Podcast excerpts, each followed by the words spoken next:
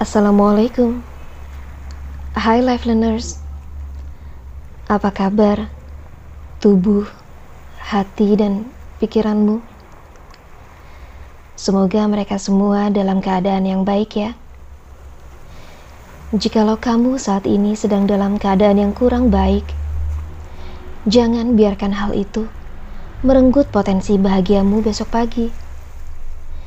Ikhlaskan semuanya dan berdoalah untuk kebaikan-kebaikan yang lebih banyak agar sakitmu bisa segera terobati. Hari ini, aku ingin mengajak kalian belajar tentang kehidupan lewat kisah-kisah inspiratif. Kisah-kisah yang dapat menghangatkan jiwa serta menyegarkan pikiran dari kelelahan yang telah kita dapati seharian tadi. Semoga dengan kisah ini kita bisa mendapatkan tidur yang nyenyak agar kita bisa bangun dalam keadaan yang jauh lebih baik. Amin. Kisah inspiratif yang akan aku ceritakan berasal dari buku bestseller series yang berjudul Fourth Course Chicken Soup for the Soul karya Jack Canfield dan kawan-kawannya. Buku legendaris yang pertama kali diterbitkan pada tahun 1993 dan terus melahirkan series Chicken Soup lainnya yang juga laku keras hingga jutaan kopi. Semoga kita bisa sama-sama belajar dari buku ini ya. Sebelum kita mulai ceritanya, agar kita lebih rileks, mari kita tarik nafas perlahan Kemudian hembuskan perlahan. Tarik nafas lagi.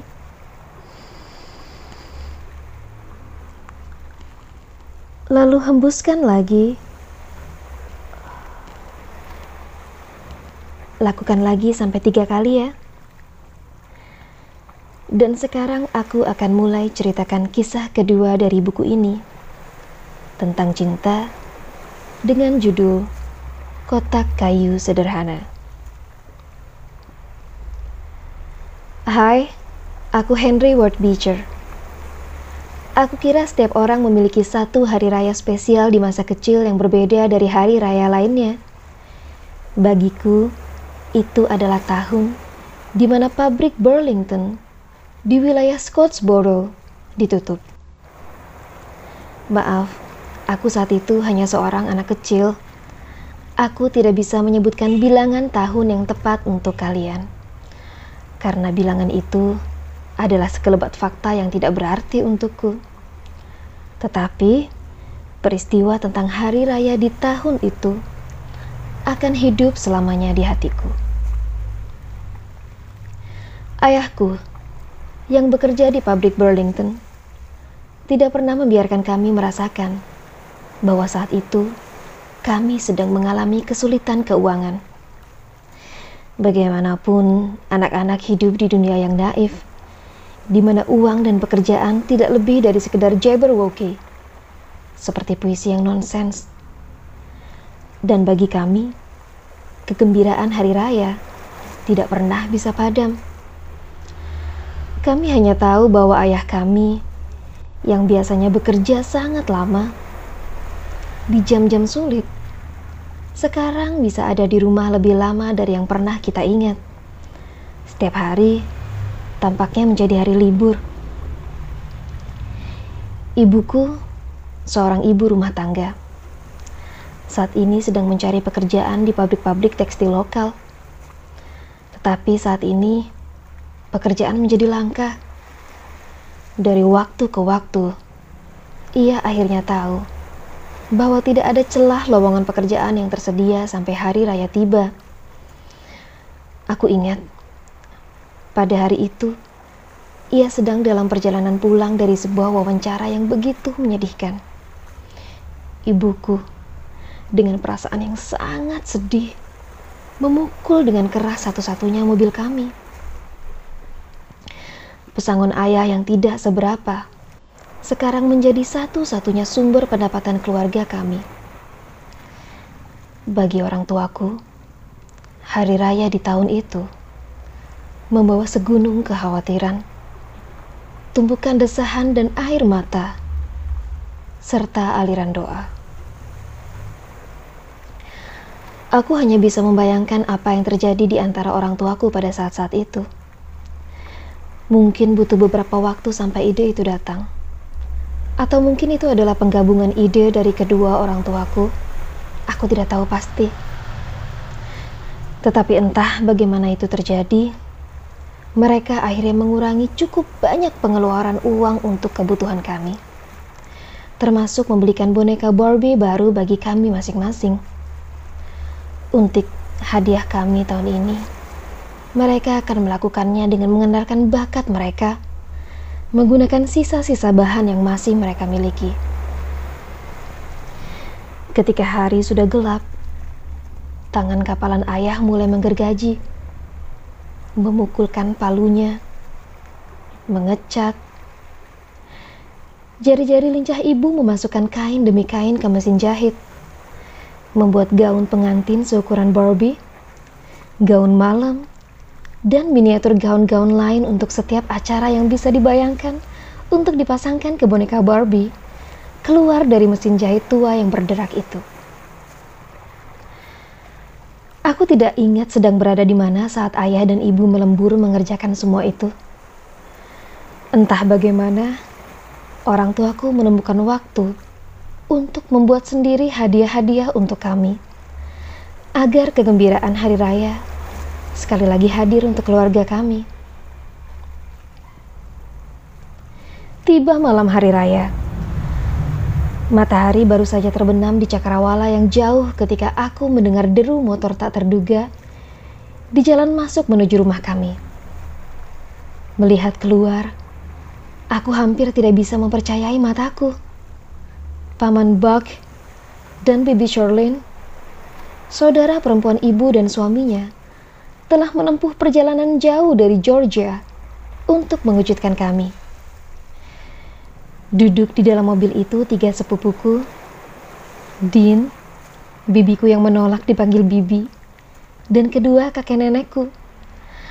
Aku melihat hadiah yang tak terhitung jumlahnya untuk kami. Semua dikemas dan diikat rapi dengan pita yang indah. Mereka semua tahu bahwa hari raya itu akan menjadi hari raya yang sulit buat kami. Dan mereka datang untuk membantu. Pagi berikutnya kami terbangun dengan lebih banyak hadiah daripada yang pernah aku bayangkan. Dan meskipun aku tidak memiliki satu ingatan khusus tentang apa saja mainan-mainan itu, aku tahu bahwa ada banyak mainan. Mainan, mainan, dan mainan. Di sana, di tengah-tengah kegembiraan itu, ayah memutuskan untuk tidak memberi kami hadiah yang telah ia buat kemarin. Dengan semua mainan yang kami dapatkan, tidak ada alasan untuk memberi kami rumah boneka dari kayu yang dia buat. Rumah boneka itu hanya berbentuk kotak merah sederhana, sangat sederhana. Tentu saja tidak sebagus hadiah toko yang dibawakan keluarganya ibu. Musik tawa memenuhi rumah kami hingga pagi hari, dan kami tidak pernah menduga bahwa hadiah ayah saat itu sedang disembunyikan di suatu tempat. Ketika ibu berbisik dan bertanya kepada ayah tentang hadiah itu, dia mengungkapkan perasaannya yang ragu. Tetapi dia bersikeras akan memberikan kita hadiah itu. Jadi, sore itu, setelah semua tamu sudah pergi, ayah dengan enggan dan ragu-ragu membawa hadiah cintanya ke ruang tamu. Sebuah kotak kayu sederhana, kotak kayu yang dicat merah dengan tutup berengsel, sehingga masing-masing bisa dibuka dengan digunakan sebagai rumah. Di kedua sisi ada kompartemen besar yang cukup untuk menyimpan boneka Barbie dan rak untuk menggantung baju-baju Barbie kami. Di luarnya ada pegangan sehingga ketika ditutup, pintu itu tertahan oleh magnet yang tampak seperti sebuah tanda. Rumah kayu itu bisa saja kami bawa ke mana saja, seperti koper. Dan meskipun aku tidak begitu ingat hadiah-hadiah lain yang aku dapatkan di hari raya ini, aku mendapatkan hari itu. Kota kayu itu tak pernah terhapuskan dari ingatanku. Terukir dalam di pikiran aku. Aku ingat tekstur kayunya. Warna cat merah yang pas. Tarikan magnet ketika aku menutup pintunya. Pegangan dan engsel yang bertanda Aku ingat bagaimana baju-baju Barbie tergantung dengan hati-hati pada gantungan di dalam kotak itu. Dan bagaimana aku harus hati-hati supaya tidak menarik rambut Barbieku ketika aku menutup pintunya. Aku ingat semuanya yang mungkin bisa diingat. Karena kami menyimpan dan menghargai kotak itu lebih lama. Meskipun setelah hari-hari kami bermain boneka Barbie berakhir. Kini, aku telah hidup dan mencintai 29 hari raya. Masing-masing baru dan segar, dengan suasana kegembiraan tersendiri. Masing-masing dipenuhi dengan cinta dan harapan. Masing-masing membawa hadiah, penghargaan, dan kerinduan.